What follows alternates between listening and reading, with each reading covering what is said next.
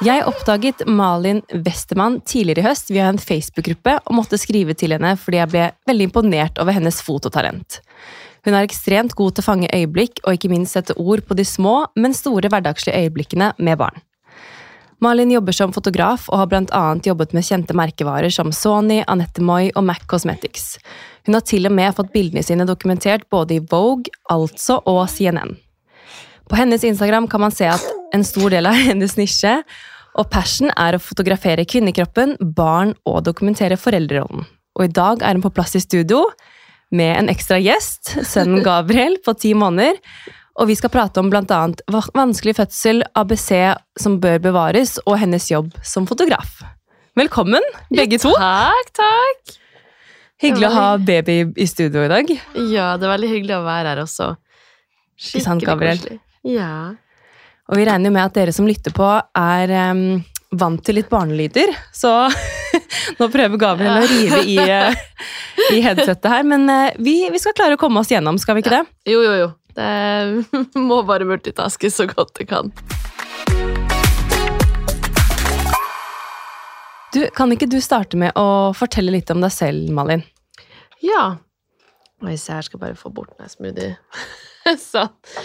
Nei, jeg er 26 år, fra Bodø, som du hører. Dialekt. Så eh, har jeg en liten en her som heter Gabriel. Han er ti måneder. Og eh, akkurat nå så jobber jeg som fotograf. Skal du gå ned og leke? Sånn er det når man har med baby i studio. Det går så fint. Jo, nei, jeg jobber som fotograf der jeg fokuserer på mine egne prosjekter.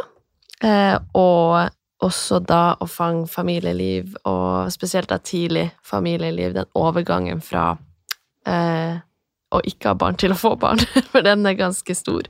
Den er stor. Og eh, jeg prøver å fange det på den mest naturlige og ekte måten man kan gjøre det på. Det er hovedfokuset mitt, da. Å få det så autentisk og eh, relaterbart som mulig. Du deler jo eh, mye av dine verker, holdt jeg på å si. Du deler mye av eh, dine fotografi på Instagram. Ja. Eh, har du alltid hatt en passion for å ta bilder? Ja. Eh, Jeg har hatt eh, passion siden jeg var rundt tolv. Cirka da fikk jeg et kamera, og da dokumenterte jeg alt. eh, For jeg hadde en blogg som jeg tok bilder av hver minste ting til, og fant ut at jeg syntes det var veldig gøy å dokumentere. Og hver gang jeg drar hjem nå, så ser jeg jo at jeg har masse album jeg har gått og laga i den alder som ser tilbake og tenker at oi, ja, jeg begynte egentlig veldig tidlig å ha eh, ja, behovet for å uttrykke meg med foto, da. Og fange øyeblikk i nuet. Um, og vokste opp med ei bestemor som tok masse bilder av oss hele tida. Og hver sommer, så når jeg kom hjem dit, så tok vi fram alle albumene og snakka veldig mye om det. Og det tror jeg alltid har vært en stor sånn kjærlighet for meg, å kunne viderebringe det kanskje gjennom generasjon til generasjon, men ja, det bare har eh, Det er nok en miks av det og egeninteresse, da. Og det å uttrykke seg med det. Jeg kjenner meg veldig igjen, fordi hver gang jeg er hjemme i mitt barndomshjem, så er det noe med å liksom ta frem album. Ja. Både som jeg har laget selv, fra leirskoler, det kan være fra fester. Eh, altså Var det en eller annen fest, så var det alltid et Facebook-album som jeg hadde tatt etterpå, hvor folk var sånn 'Kan du tagge meg?' Ja, Og- det husker jeg. Ah, det, det var tider. Eh, men det er noe med det å komme hjem eh, til familie og ta frem album og liksom se på ting man har gjort Mm. sammen. Og det er også noe jeg har veldig lyst til å ta med meg videre. Ja, absolutt. Har du begynt å lage album nå med han, eller? Eh, jeg er ikke like flink å printe ut egne bilder. Eh, jeg skulle ønske jeg var mer sånn hyppig på det. ja, men jeg har tenkt mange ganger når jeg jobber, i hvert fall med, med partneren min og Gabriel, at den dagen han forstår og ser disse bildene her eh, Nå driver Gabriel og tar på mikrofonen, det var veldig spennende. Han har lyst til å prate litt, han òg. Ja. Nei, så kommer han til å liksom tenke å ha alle disse minnene sine, tenk, og vi kan snakke om hvordan det var, og hva som skjedde, og i hvert fall når de blir publisert og sånn andre steder, at man ser at det er en interesse for det arbeidet, og at han kan se tilbake på det. Det er veldig Og det er veldig stas, og det er veldig gøy. Um, men det er også det for at vi kan starte samtaler og stoppe tida litt. Det er det jeg syns var veldig fascinerende. Samtalene som kommer ut av fotografiet, da. Men er du også sånn, for jeg kan veldig ofte ta meg selv i å være i et øyeblikk, og så ser jeg det på en måte som et bilde. Ja, ja, ja. Hele tida. Og det, det er nesten litt sånn slitsomt. Ja. Fordi at egentlig så skulle jeg gjerne bare likt å ha med meg en person eh, som kunne vært en kloning av meg selv. Ja. Til å bare ta alle de bildene hele tiden. Jeg vet. Sånn jeg vet. hvis jeg sitter der med datteren min og liksom, jeg bare, liksom Vi har et så hyggelig øyeblikk, så er det sånn Kan noen bare ta bilde av det her? For at det her det er liksom, Man kommer til å glemme de øyeblikkene. Absolutt. Og det er det man ikke vil. Nei, og så eh, Nå tar jo jeg mest bilder av andre også, og det kjenner du sikkert deg igjen i òg, at du er den som tar mest bilder og ikke blir fotografert i så stor grad. Og Ja. og da Jeg tok og ba partneren min om å ta litt bilder. Jeg husker når han var seks uker gammel, bare for da var det på en måte den der markert at uh, postpartum var over, men det var jo absolutt ikke det. Men da å se tilbake på de bildene nå, selv om jeg For man er i så tåke, ikke sant? Og da var jeg bare helt sånn Herregud, så glad jeg er for jeg har disse bildene her. Fordi Man angrer ikke på bilder man tar. Nei, for de er så små. og Man glemmer hvor små de er. Ja. Og det er noe av den magien med fotografi, er den der følelsen, eller følelsene som settes i gang når du ser på dem. Men du, så fort jeg har født, så skal jeg skrive til deg Ja. og be deg komme hjem til sikkert et kaos av eh, melkespreng, og det stinker det er sur det melk beste og bleier. Men samtidig sånn, man vil på en måte få det dokumentert, fordi Ja. man er så fjern i, den, i det, de øyeblikkene der også. Å ja. Man, Så det eh, hadde vært gøy. Ja, men det er akkurat det, og det er litt en eh, Å vise det til barna sine også, at sånn er det, fordi det var jo egentlig det som var pådriveren min til å begynne med Matresens i det, altså prosjektet Matresens i det store og hele. Um, for hele prosjektet er jo om å fange den overgangen. Matresens er et psykologisk begrep som beskriver det. Og jeg ble jo gravid uventa i en alder av 25. Det var ikke planlagt i det hele tatt. Så jeg gikk veldig mye på sosiale medier for å få råd, og dette var under korona også. Så det var ingen jeg kunne snakke med, jeg hadde ingen venner rundt meg som var gravid eller hadde barn. Og da fant jeg heller veldig lite sånn eh, om hvordan det egentlig var. Eh, og, begynte å være sånn leit etter det. Og da fant jeg bare veldig mye um, ja, det typiske som sosiale medier gir deg, et slags press på at alt er perfekt. Og så var det jo noen som var motsatt enn det også. Men jeg savna en sånn slags råhet i fotografiet, eh, for jeg leita personlig også etter en fotograf som kunne ta bilde av oss som familie, så var det veldig Porsche og veldig liksom Sittet i et studio, og det er veldig fine bilder, det også. Det er ikke det.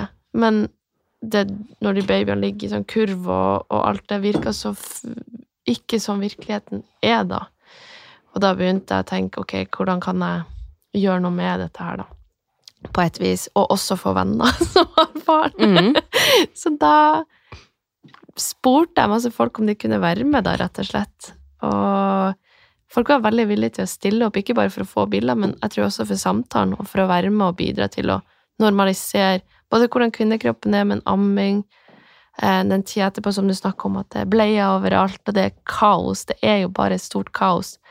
Og jeg husker jeg var så nø... Jeg var sånn Jeg må ha det ryddig. Jeg vil ha det sånn. Jeg vil ha det sånn. For jeg så for meg at sånn skal det være. Og i virkeligheten var det jo ikke sånn i det hele tatt. Og det å fange det med andre og møte andre i samme situasjon og normalisere det, det er på en måte en goal, da. Og Det er er vi- kjempeviktig. det er kjempeviktig, og eh, med fotografi er den måten jeg uttrykker meg best på, eller mest komfortabel med å uttrykke meg på, da. Så ja. Og så er du jo veldig god til å sette ord på bildene dine også. Altså, du, Takk. altså, du er veldig flink til å Altså, nå har jeg liksom le, altså, en ting er jo bildene dine som liksom fanger veldig, men når man på en måte stopper opp og leser hva du har skrevet under også, så er du Du er god på hele pakka, du. Takk! det var veldig fint. Men, eh, men altså, hvor lenge har du holdt på med Altså, fordi du lever av å ta bilder. ja. Ja. Hvor lenge har du gjort det? Altså, det startet, som du sa, før du Altså da du ble gravid. Mm. Da når jeg ble gravid, så levde jeg ikke av det. Og da var det mer eh, bare å øve seg på det. Jeg hadde nettopp hatt en jobb der jeg tok mye produktbilder og sånn. Og så gikk dessverre den bedriften konkurs, og så ble jeg gravid. og da sto jeg der og bare Ok, hva gjør jeg? Så jeg begynte å jobbe litt i en barnehage, faktisk, som var veldig koselig. Og Fin måte å forberede seg Ja, på. virkelig. Virkelig. Jeg ble gravid mens jeg jobba i den barnehagen. Oi, Og øhm, følte at det var litt universet som prøvde å fortelle noe, kanskje. I don't know. det kan være. Men Jeg, eh, jeg tror litt på sånt. jeg tror virkelig også på sånn, fordi jeg hadde aldri vært med barn før på den måten. Så eh, ja, det ga meg en veldig kjapp eh, Kjapp insight på hvordan det kan være. Ja, du er sterk. Her bruker vi det vi har Ja. i studio. Nå er det en sånn kopp, eh, koppholder her som eh, Skal vi se om han syns den er litt spennende? Ja, den var spennende. Ja, men da eh, Ja, så da bare brukte jeg veldig masse kamera til noe annet enn produktbilder. Jeg tok det liksom masse hjemme, masse av hvordan det var gravid, hvordan um, Ja, hele den overgangen fra å vite at du plutselig er gravid, og begynte å finne også andre fotografer som var litt på det samme sporet, og så dukka iMamma Project opp også, som jeg involverte meg veldig mye i. Og For hva er det? det, er, det anbefaler jeg alle som hører på nå, å sjekke ut på Instagram, for det er et liksom et internasjonalt Ikke noe fotokollektiv, men det er fotografer, eller mødre generelt, som bare dokumenterer alle fasene av det å være mor. Det trenger ikke å være småbarnsforeldre, men det er alt med det som er å være foreldre på alle mulige måter. Og det er fotografer over hele verden. Og det er ikke Det noe Du må ikke være profesjonell fotograf heller. Men det er bare et space for å dele og snakke om følelser også. Det er veldig mye inspirasjon å hente der. Og eh, det var egentlig det som satte også i gang en slags fuel, da, for jeg så her i Norge var det ikke noe særlig om det, eller jeg hadde ikke sett noe lignende her. Nei, det eneste Jeg har jo hatt eh, Eva Rose som Ja, ja. eh, gjest. Og hun er vel den eneste, liksom, i tillegg til deg nå, da, som jeg vet om at på en måte dokumenterer Ja. graviditet. Altså hun er mer fødsel også, men Ja, eh, Hun er jo så flink. Åh. veldig. Ja, hun er så, så flink. Jeg var på utstillinga hennes, hun er jo så hjertevarm person. Ja, vet du hva, det Ja, fantastiske bilder. Ja, Og så er man jo litt sånn, som du sa, man er jo på en måte keen på å eh, ta vare på de øyeblikkene, og jeg har liksom tenkt på det sånn, ok, nå er det snart fødsel nummer to, ja, skulle jeg hatt en fødselsfotograf? ja. Men så er det noe med at, jeg vet ikke, altså sånn, du får bare oppleve det en gang, og så er det noe med at en ting er det du har oppi hodet ditt, men så vet jeg ikke om jeg liksom ville sett det heller, hvis Nei, du skjønner nei. hva jeg mener. Jeg Det er litt sånn mixed feelings der. Man, men jeg tenker, man må også ha en fotograf da, som, som er litt flue på veggen. Og 100%. eh, Ikke sånn, smil nå! Ja, nei, nei, nei. Som bare også har Sånn som det som er fint med Eva, da, at hun også er doula, ikke sant? Så hun får du på en måte litt begge delene med, og hun har gjort det her så lenge nå at jeg tror det, i hvert fall med henne, så er det veldig trygt. Du, altså hun kom, eh, Da vi spilte inn denne episoden, så kom hun jo hjem, satt på kjøkkenet mitt, og det er sånn, jeg følte bare at hun liksom Ja. Hun var så naturlig del av Altså Hun er veldig sånn tilpasningsdyktig, Ja, eh, men det er jo det som er jobben hennes, så absolutt. Det må man nok være i en fødsel. eh, absolutt.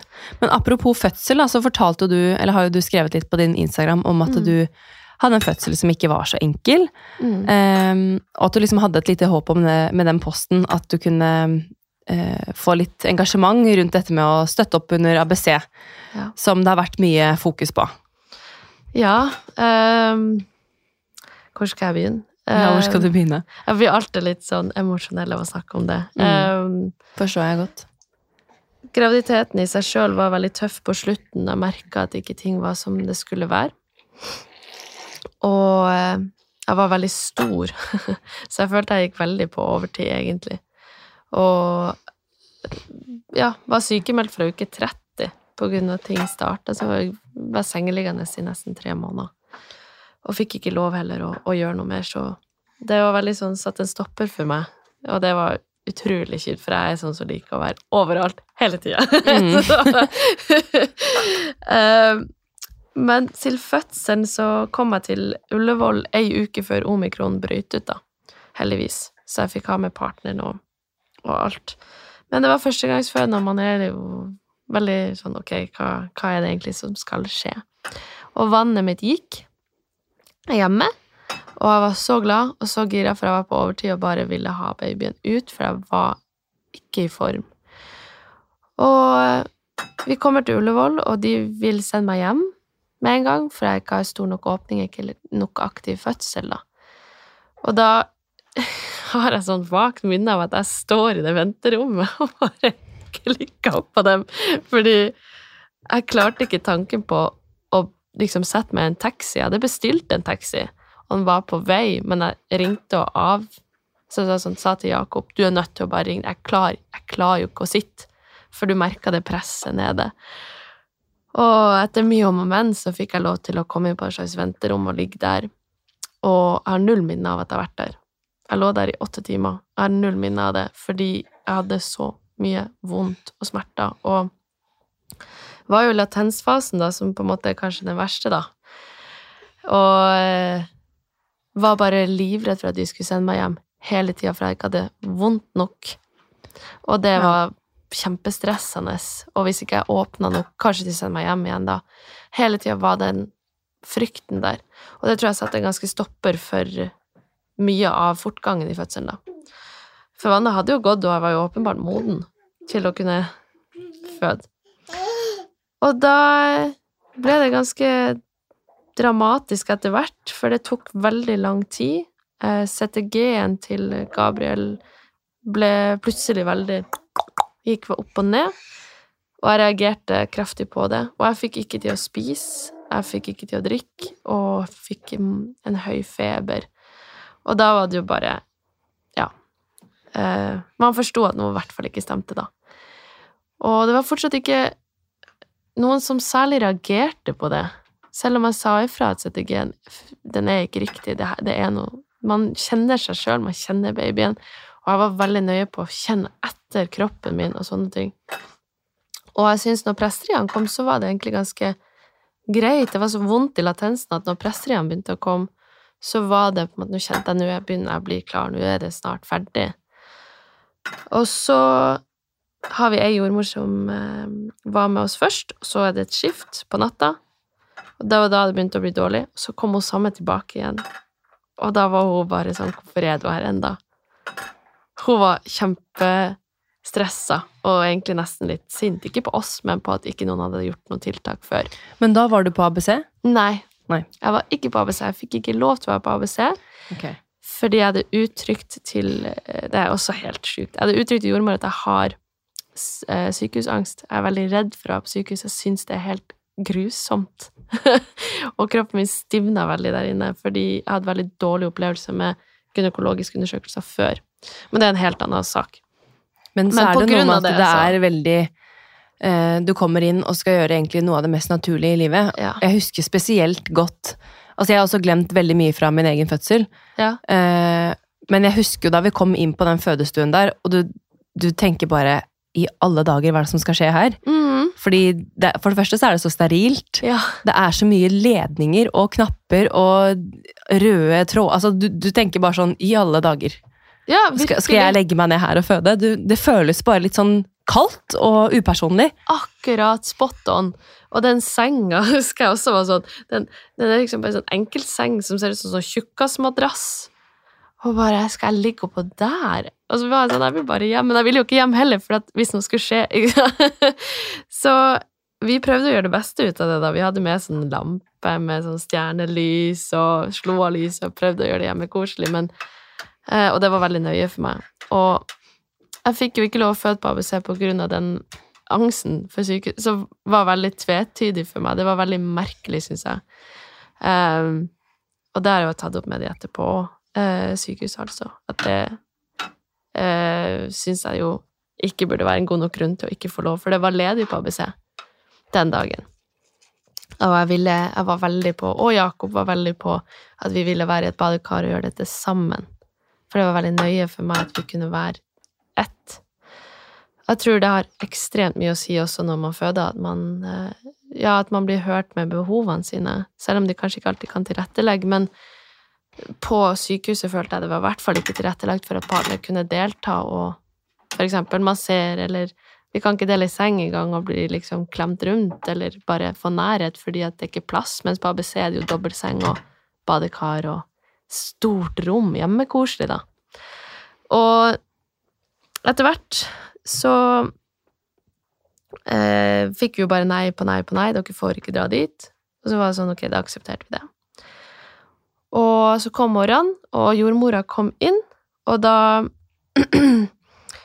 hadde han bæsja i fostervannet. De hadde tatt en laktatprøve og blodprøve av, eh, av han, og da viste det seg at surhetsnivået på blodet var 15, og det er krise hvis det er på 4.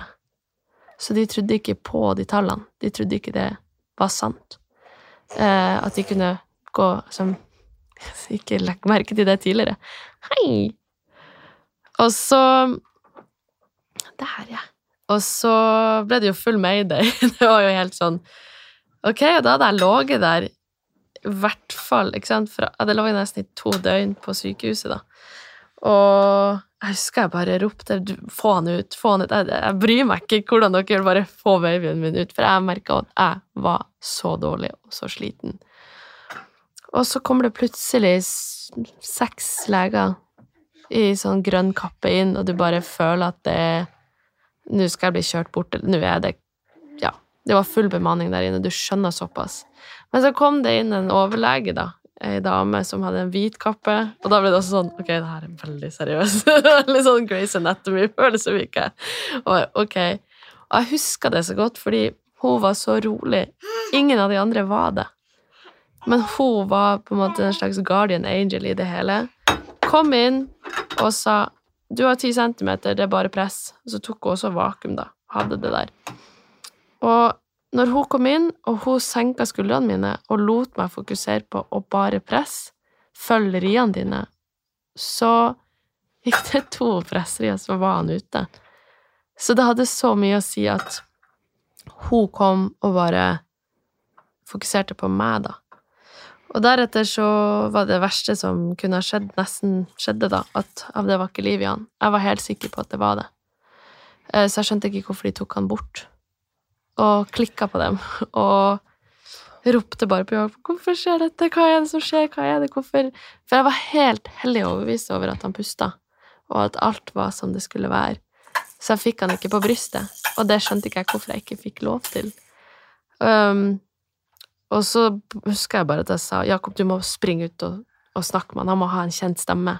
Ikke bare masse leger, at det er det første han liksom Møter. møter, og ikke meg. Og det er det kanskje såreste, er det at ikke jeg var den første som ja, hadde kontakt med han etter han hadde vært så nær meg. Men de fikk liv i han igjen. Han hadde jo en Apgar-score på to, så hjertet slo, men ingenting annet. Det er jeg veldig glad for at det gjorde, at det ikke var på én, for da hadde det vært ingenting. Og det første møtet vårt var også veldig trist. Det var Har du lyst til å snakke? Det første møtet vårt var jo med at han ble trilla i en sånn kuvøse i gangen. Og så lå jeg i gangen også med Skulle bli kjørt opp til operasjonsbordet òg fordi jeg ikke fikk ut morkaka. Og blødde masse. Og da husker jeg bare at det første jeg sa til han, var 'Det går bra, Gabriel. Det går bra.' Instinktivt. Og han hylgråt, og da ble jeg letta, for da visste jeg han pusta. Men det, han hørte jo stemmen min, og så ble vi bare skilt. Og det er helt sånn Ja, hei. Vi som jobber med foto, jeg ser det for meg i bilder. Ja. Mm, jeg husker jo enda kjempegodt akkurat det minnet. Og det var så tungt, men samtidig hadde de sprøyta så mye oksytocin i meg med sånn kunstig oksytocin, og jeg hadde født. Jeg hadde jo faktisk født. Og det er noe jeg har liksom Jeg har ikke anerkjent det heller så høyt at 'Å, jeg fødte', men jeg Det er jo det. helt rått. Ja, og det, kroppen min reagerte jo som om jeg hadde født et friskt barn, for det om selv om at det ikke var det. Og eh, det var utrolig kult. Det syns jeg òg er en ting jeg må bare nevne, selv om det gikk dårlig, så var kroppens reaksjon helt Jeg sykt. fikk det til, liksom. Ja, Mm. det adrenalinkicket. Og kom opp på operasjonsstua, de la meg i narkose med en gang, og så jeg fikk jo på en måte totalt hvile også. Og ble bare møtt med en stakkars Jakob som har sett alt dette her, og ikke vært liksom Ikke hatt noe adrenalin eller noe Nei. ekstra Så han satt lykkepille innabords, for å si det sånn. Nei, så han satt der var helt sånn For han trodde det skulle være skikkelig ille med meg. Han var egentlig mer redd for meg enn Gabriel. Eh, fordi han hadde òg en magefølelse på at det kom til å gå bra med han. Men med meg var kanskje enda mer sjokk, for det Vi hører så mye om at fødsler kan gå galt med barn, men veldig sjelden med mor i dag. I, i Norge, heldigvis. Um, så han var veldig redd. Og det var egentlig det Jeg husker enda veldig godt det blikket jeg møtte. Det sitter så med meg. Men eh, det kom en barnelege inn, forklarte han at Gabriel lev, først og fremst, men jeg visste jo ikke i mange timer visste jeg ikke hva som skjedde. Hun kom inn og sa at han var lagt inn i en hypotermibehandling, som jeg også ikke visste hva ville si. Og det er at de blir kjølt ned. Eh, for å At hjernen ikke skal bli ødelagt, da. At det ikke skal være noe Var dette på grunn av avføringen i fostervannet? Avføringen i fostervannet og surhetsnivået i blodet. For Ja. det som skjer da, er at uh, alle indre organene begynner å svikte. Det var det som skjedde. Og Det er, det er alvorlig. Ja, veldig, veldig alvorlig. Og det viste seg i De fant ut etterpå, da, at det var en blodpropp på navlesnora som gjorde dette. Så det er jo det er svært sjeldent. Men eh, hadde de visst at det var så alvorlig, så hadde de gjort noe mye tidligere. Men han fikk behandlinga han trengte. Det er mellom seks til ti barn i året som får den behandlinga, for det er mange kriterier. Og da, etter tre dager, eh, så fikk de tatt han ut av respiratoren og alt dette. Ja, det var bare masse ledninger, liksom, og det var bare så sjokk å se han Og ikke holde han, jeg fikk lov å stryke litt på handa, liksom. Men jeg ble helt sånn ja, gal av lengsel, da. Skikkelig gal av lengsel. Det da var- klør det litt i fingeren, eller? Ja, det var bare Jeg husker jeg satt bare og var helt sånn rar. Fikk et bilde av en sykepleier av han, sånn at jeg kunne liksom holde han tett på brystet mitt. Og det var så rørende. Og jeg var sånn, gikk bare rundt og, og gråt. Og hadde jo nettopp født, så hadde jo full av hormoner. Og eh, Men eh, ja, jeg, forst, jeg skjønte inni meg at noe kom til å gå, skje, men det kom til å gå bra på et vis. Og morsinstinktet er så ekstremt. Man vet om babyen din har det bra eller ikke, på en måte. Og jeg skjønte at det her kommer til å gå fint eh, etter sånn dag tre. Skjønte jeg at ok, nå er jeg ikke like stressa, for jeg var jo sikker på at når jeg er ferdig med behandlinga her, så står det om liv og død, på en måte. Trodde jeg, da. Men så viste det seg at det var forebyggende. Men det å ikke vite Det er det som er det verste. Ja, virkelig. Men de var veldig flinke på intensiven. Det skal de ha. Herregud, for noen hverdagshelter de er. Fordi de Jeg bare tok tenker på den ledningen, jeg. Ja. Ja, det må vi kanskje ta. Vi har en skikkelig luring med oss i studio i dag. Men ja, hverdagshelter, ja, det er det ikke noe tvil om. Nei. Da fant du enda en Det var ny ledning. De er hverdagshelter, og så surrealistisk å være på en intensivavdeling og med små barn. Så tok med kamera og tok masse bilder bare for å ha det Ha det, liksom. Fordi man har veldig høye forventninger til fødsel, og det skjønner jeg at man har. Fordi man hører veldig ofte om det fine, og det er veldig bra. Jeg er veldig glad for at det fine trumfer gjennom, for at det, de fleste fødsler går kjempebra. Så kamera ble på en måte litt sånn løsningen, eh, eller redningen for deg, da. I og med at du Det var jo så mye som hadde skjedd, og kanskje ting ble ikke akkurat som du hadde sett for deg.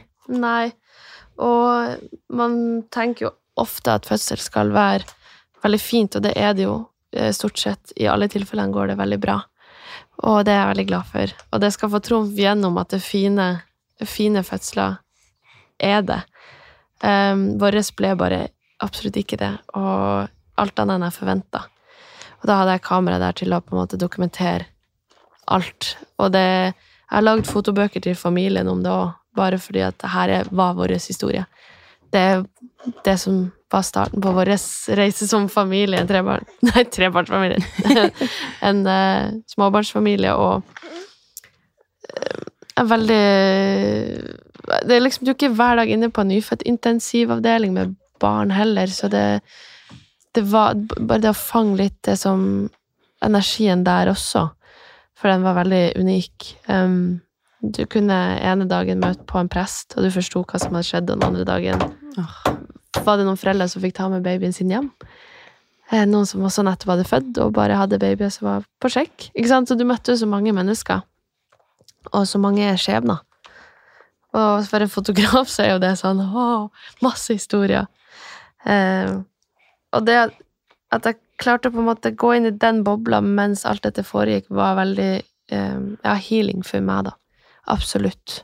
At jeg kunne bruke det verktøyet som jeg er mest komfortabel med, til å Tror du det også var litt sånn kickstarten på liksom Absolutt. karrieren din, på en måte? Absolutt. Eh, Det er det som er så rart å se tilbake på, fordi jeg har veldig trua på at når det er noe ektefølt, så fanger kameraet det også, eller du, du kommuniserer det gjennom linser. Og det der var jo veldig rå følelser, veldig sånn eh, Det eneste måten jeg kunne prøve For jeg klarte ikke å sette ord på det, jeg klarer enda ikke å sette ord på det. Og det det eneste jeg klarte, var å bruke kamera, og da eh, ville jeg også at folk skulle se viktigheten med å være åpen om det, men også at ABC er veldig viktig, fordi at der har du et annet alternativ. Hvis det kun skal være sykehus, så er det kun ett valg, og det syns jeg er så utrolig eh, trist. At det skal gå den veien, fordi jeg tror veldig på at vi mennesker kan, kan føde og ha det trygt, og så lenge vi blir ivaretatt. Og derfor eh, måtte jeg på en måte dokumentere litt det motsatte av hva som kan skje hvis ikke. Og det ironiske er at vi har null bilder fra selve fødselen, fordi den var så dramatisk som den var. Og eh, jeg bare mm, Jeg bare håper at myndighetene og, og de som jobber i helsesektoren, får muligheten også til å ha ABC, de som er jordmødre og vil fortsette å jobbe der. Den, det tilbudet er der, og for de fødende. Så viktig er det. Hva slags følelser sitter du igjen med i etterkant? Du sier at du har jo ikke noen bilder fra selve fødselen, men tiden etterpå fikk du jo dokumentert ganske Mm. mye. Um, er du bitter på et vis for at det ikke ble ABC? Å ja.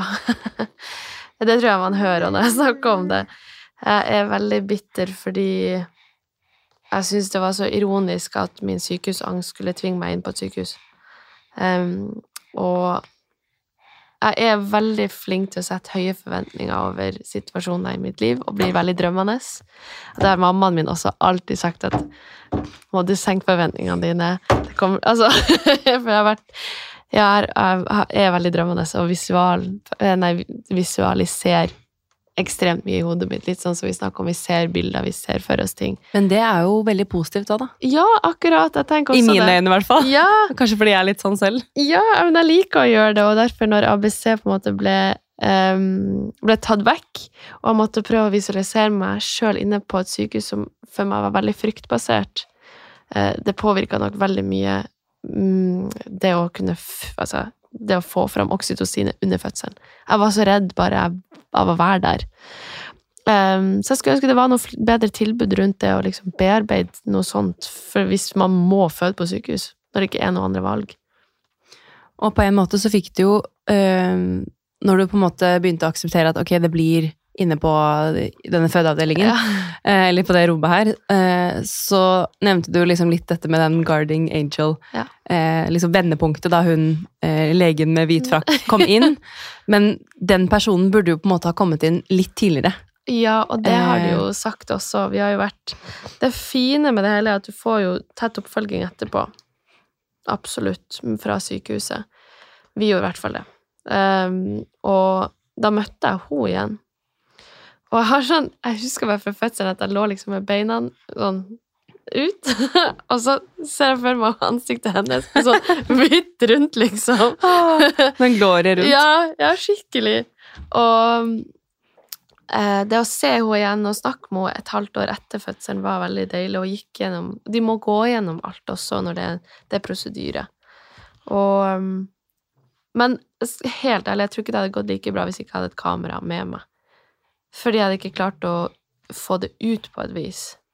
Det hadde sittet mer kanskje inni meg enn det det har gjort nå når jeg kunne dokumentert det. Og bare Ja. Bare ha fått det ut på et vis. Det er veldig fint å høre, fordi en ting er at man har på en måte interessen der, men du har også brukt kamera som en slags redning i en Ja, vanskelig situasjon, da. ja uten tvil. Og det, kanskje, det hjelper kanskje for deg også å kunne se på det etterpå, Ja. og bare, ok, da, for å bare få et bilde på hva som egentlig skjedde. Når Gabriel blir eh, gammel nok til å kanskje spørre, eller så har vi de bildene også til å forklare han. Det er veldig viktig for meg. Fordi barn spør jo, jeg husker jeg synes også liksom spurte masse om føtter, få se babybildene, la, la, la. Det gjør man enda den dag i dag. Så siden han hadde en litt, kanskje en litt skummel start for han, hans barnesinn, så kan vi i hvert fall forklare det med bilder. Og det er jo veldig fint på den intensivavdelinga, for de lager sånn kaniner og tegninger, og de, de gjør det veldig barnevennlig, og skriver et brev til foreldrene og til Gabriel også om hva de har gjort, som han kan få ta med seg hjem. Det var jo fint. Mm, det visste jeg jo ikke før jeg var der. Man vet jo ikke det. Eh, og det å få sånne ting med seg hjem som et minne, er også veldig fint for å bearbeide etterpå. Absolutt. Tusen takk for at du deler Ja. din historie. Eh, jeg blir litt sånn Man blir alltid litt sånn satt ut når man hører på en måte andres fødselshistorie, og spesielt når det er så mye liksom følelser og Mm. dramatikk på en måte rundt. Ja. Eh, og ikke minst altså, sykdom, eller sånn altså når uventede ting skjer, da. Ja, helt ut av det blå. Men ja, altså Jeg tror man bare man, hvert fall første gang man føder, så vet man på en måte ikke. Men hvis man merker at det er noe, så må man bare stå på det. Fordi man kjenner seg sjøl best. Og man kan fort bli usikker på om man er overdramatisk eller ikke. Du har jo eh, delt en sårbar historie Mm. om din fødsel og alt som skjedde eh, som man ikke kan forutse. Ja. Eh, og du har jo bildene dine og har din opplevelse. Men hva er dine tips og råd til andre som kanskje snart skal føde, aldri har gjort det før? Eh, kanskje syns det er skummelt med sykehus også. Ja. Hva, hva er dine beste råd til dem? Nei, det jeg ville gjort, er å være tidlig ute, da. Eh, få hjelp. Til, i hvert fall hvis du er redd for sykehus, da. Få verktøy du kan bruke hvis du må føde på sykehus. Og også ta direkte kontakt med ABC hvis du har veldig lyst til å føde der, fordi um, man må jo sende en søknad uansett, men de er også veldig fine å snakke med, de jordmødrene som er der. Og ha tett dialog med Få deg en god jordmor som kan følge deg opp og gjøre deg trygg, fordi de fleste fødslene går veldig fint. Og hvis du merker at det er noe, bare et eller annet, så ikke nøl med å dra en gang for mye på sykehuset, fordi det kan være veldig betryggende for deg, og man er ikke overdramatisk av den grunn. Og i hvert fall når man er førstegangsfødende, så er det så mye nytt. Og man vet ikke hva man skal forvente heller.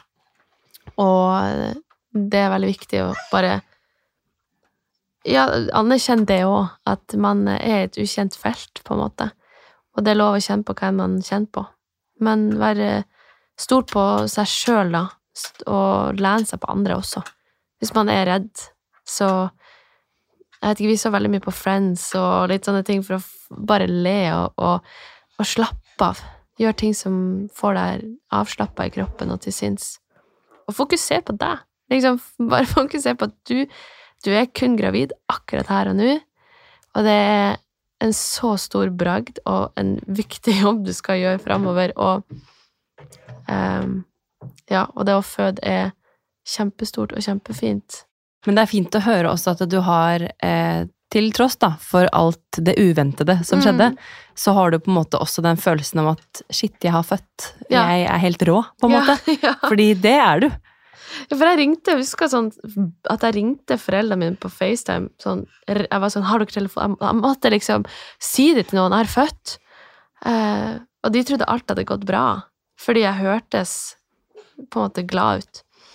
Og jeg var jo det.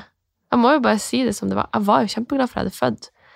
Og jeg innså nok ikke hvor eh, sykt barnet mitt heller var akkurat i det. Jeg trodde jo han var frisk. Eh, og så ble jeg lagt i narkose, så de timene der er veldig De, De forsvant. de forsvant jo. Men nå, nå er han ti måneder, Ja. og nå er han helt frisk. Han er helt frisk. Så dette var Jeg- noe som skjedde på sykehuset, og ble på en måte tatt hensyn til der og da. Og da dere dro fra sykehuset og fikk dra hjem, så var alt good, på en måte? Ja, ja, vi var der i ti dager eh, totalt, og fikk oppfølging og veldig tett med fysio, og eh, fordi det kan jo utvikle seg noe når de begynner å bevege seg. Det er da vi ser om det er noe med hjernen som ikke ja, matcher, da. Mm. Um, så det var jo egentlig de, månedene, de første månedene når man ikke visste, syns jeg var verst. Fordi jeg vet jo ikke hva jeg skal se etter heller. Og så ble jeg kjemperedd for at det kunne være epilepsi og sånne ting. De har oversett. Men de måtte jo ta MR-skann av hjernen, og han Ja, morsinstinktet og magefølelsen var bare sånn alt ser bra ut. Han utvikla seg sånn som en baby skal i mine øyne. Um, så ja. Det har vært en prosess, og han ble på en måte frisk eh, etter seks måneder. Var de sånn det Her trenger vi ikke å følge med så tett på lenger. Og det var en Ja, herregud, det var det beste jeg kunne høre. Vært superheldig. Men derfor var det fuela litt det prosjektet mitt, da, fordi at jeg hadde heller ikke møtt noen som hadde, hadde det vanskelig heller. Jeg, hadde, jeg bare har møtt folk som har født, og så har alt vært Eller sett da, folk som har født, og at alt har gått bra. Og det er ikke sånn at jeg vil at det ikke Hvis du ser rett, jeg vil ikke bare fokusere på at det ikke har gått bra, men bare de kaotiske følelsene som kommer rett etter en fødsel, er på godt og vondt, da. Og tidlig det å være foreldre med småbarn er ikke lett alltid. Men det er også veldig fint mange ganger. Så altså det, når du bare er her og leker. Så søt han er. Mm, Hei! Jeg har sittet og sett på dere nå under innspilling, hvor du, du har sittet og ammet litt, og jeg får litt sånn, litt sånn reality-check jeg nå, at det her snart er meg. Ja! Jeg gleder meg sånn på dine vegne. Og du, eh, vi skal jo ta noen bilder sammen også. Ja, Eh, Det gleder jeg meg veldig til. jeg gleder meg veldig. Eh, jeg tror vi må, må runde av her, jeg. Eh, og jeg må bare si tusen takk for at du ville komme til studio Jo, og dele din historie. Og jeg må bare si til alle følgerne våre også at de må inn og sjekke ut bildene dine, fordi de er helt fantastiske. Eh, men vi har jo en aller, aller siste ting, og det er jo eh, i alle episoder Hot Mama-tips. Ja. Eh, har du noe Hot Mama-tips til lytterne våre? Ja, jeg tenkte skikkelig lenge på den her. Eh, og jeg konkluderte med at To ting. Eh, selvfølgelig få Ta bilder. Ta bilder, ja. Men også få deg en skikkelig digg morgenkåpe, eller sånn noen koseklær som du kan gå gravid i og etterpå, fordi morgenkåpe de første månedene, en god, svær, varm en som du kan liksom amlette hvis du vil, men bare sånn som du bare kan være enten fresh i eller bare chill i. Det var godt tips. tips. Men det var bra. Fordi jeg har satt skikkelig lenge og var sånn, hva, hva er det jeg kan gi liksom Hva brukte jeg mye? Og som er på en måte noe man kanskje ikke tenker på så mye. Så ja, en veldig Men vet du hva, det er veldig godt tips, fordi i dag tidlig da jeg hadde dusja, ja. så var jeg sånn Jeg er ikke keen på å ta på meg den stive, hvite morgenkåpa, jeg, som er sånn ekkel og klør. Ja, ja, Man har lyst til å bare ha på seg sånn stor teddybjørn av Ja, en morgenkåpe. Absolutt. Så jeg syns det var et kjempetips. Ja. Jo, takk. Jeg husker jeg brukte den rosa morgenkåpa mi veldig mye de første månedene. Det var vinter òg, da, men det var så deilig å bare Pakke seg inn. Ja. Og så bare ta av seg det hvis du skal dusje, og hvis du skal amme, eller ha hud mot hud med babyen din, så superlett. Genialt. Ja. Men du, Malin, hvis noen av lytterne våre ønsker å komme i kontakt med deg, hvordan når de deg da? Det enkleste er gjennom Instagram. Det er der jeg er lettest å få tak i. Men også mailen min, som er westermann.malin.gmil.com. Jeg jobber med nettsida mi nå. Den er under construction, står det på den. Jeg så det. Jeg er spent. Så den skal være klar i slutten av oktober. Mm. Veldig bra. Jeg gleder meg til å følge med. Jo. Tusen takk for at dere begge kom til studio. Takk for at vi fikk komme. Det var veldig Så- koselig. Gleder jeg meg til å ta bilder. Ja, jeg òg. Ha det! Ha det!